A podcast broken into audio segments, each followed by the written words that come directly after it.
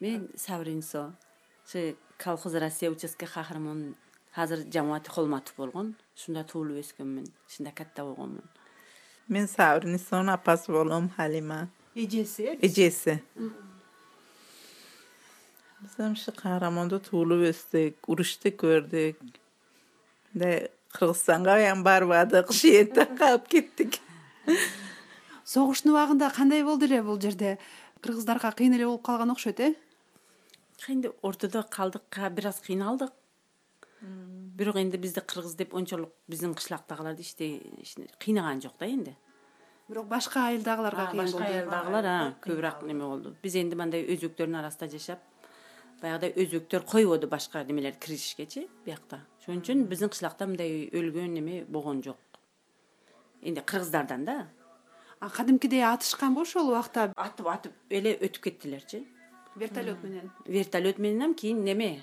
Анау бетерлерде мындай кышлак аралап ондой кылган жок биздин жерлерди да.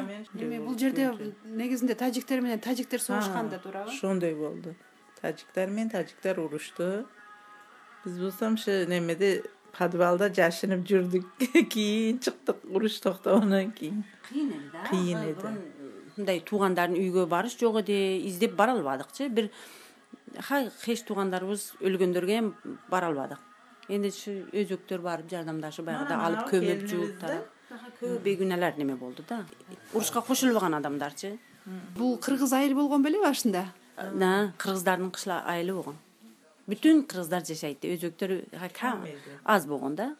Ушу ленин абад областынан келген можур болуп келгендер лекин аз болгон тажиктер такыр эле жок? Та- тажиктер болгон жок.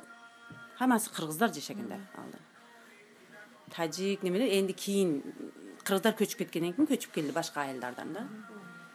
Анан жерге талдык кыргыздар көп э? А жерге талдык кыргыздар. Асли ошол жактан можур болуп келген да. Мажбур болуп. Биздин аталарыбыз дегендей. Алар келген убакта бул жер деген какыраган чөл болгонбу же кандай жер экен? Ошондой э, чөл баягыдай жыланып ташбака дегендей ошондой. Акы кийин абад кылгандар да өздөрүчү? Кийин оңолгон. Оң- кийин өздөрү оң- оңоткондор. Баягыдай иштеп неме менен дегендей. Эми биз азыр көрүп атабыз бул жердин баардыгы кадимкидей айыл чоң чоң үйлөр бактар тигилген ушунун баарынан да силер курупсуңар да атабыз бабаларыбыз кылган да ушул жакта абад кылган. Силердин атаңар мисалы э? Э, атабыздын аталары дегендей укалары ушулар можур болуп келген жерге талдан келгендер абад кылган эми ошол согуштун убагында э, силер айттыңар бул айылда мындай э, өлгөн житкен киши болгон жок деп. Бирок башка айылдарда кыргыздарга кыйын болуптур э ошолор жөнүндө айтып берсеңер. Башка мына ломоносов колхоз дегендей саят чянчи ушул тарап айылдарда лекин ошондой кыйын болгон. Көп эркектер көбүрөөк жоголду өлдү акы өлүктөрүн эми кийинчерээк тапты түшүнбөүчүлүктөн ор- ортодо ошондой неме болуп кетти да? Бизде айтат эки дөө кармашса ортодо кара чымын кырылат деп. Кудду ушундай болду. Анан ал убакта тамак аш кандай эле мисалы дүкөндөн бирдеме алсаңар болот беле же базардан же ачарчылык болдубу албайт эдик Э, эч жака чыгып бир ушу малды соет эдек малды союп көчтү бөлүп бөлүп баягыдай хаммасыга кийин анан ошо үйдө будай ун пун болсо нанды жаап алып киргизип ошо баягыдай бир кимде подвал болсо ошондо алып барып жеп ошо отурат эдилер хамма топ.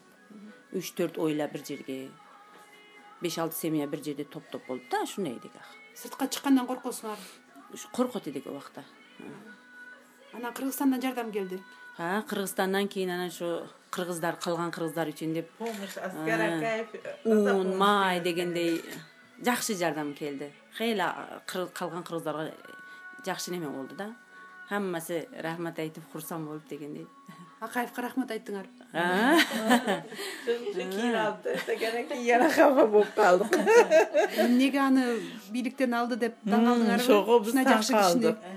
Эми сен анан кыйын кыйынчылык убакта жардам кылгандан кийин баары бир аха? А, жакшы жардам кылган эди. Өзбектердин ичи күйдүбү? А өзбектердин ички күйү башка немелер о кыргыздарды мындай жакшы анан кыргыздардын президенти помощь жүгөрүптүр деп хейли алиги болуп калдылар он кап он беш каптан ун.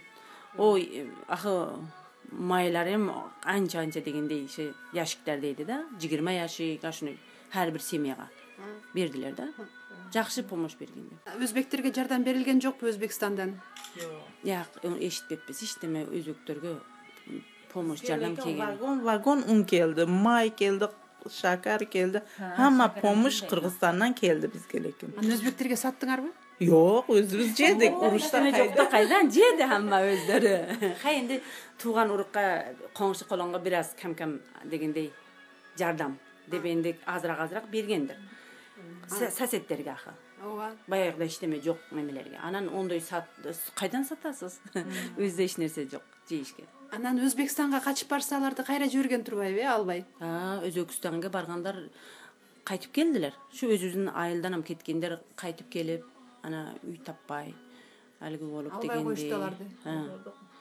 Анча ондо мында квартирада туруп азыр энди бир экитасы үй жай кылдылар да эми силерди ошол убакта силерге келген турбайбы кыргызстанга көчүрүп кетели деп э? Ошол кайсы күндөр эле анан кандай болуп ажыраштыңар? Анткени туугандар кетти да туурабы ha ушу токсон үчүнчү жылы январь айлардабы көчүп кеттилер да. Менин эжемдерчи биринчи потокто кеткен эдилер бир эки ушундай бөлүк бөлүк бөлүп бөлүп алып кеттилер да. Биринчи потокто мен ушу эжем кайнелери менен семьялары менен кайнагалары менен кетти. Где то февраль беди январдын акыры февралдар эди да.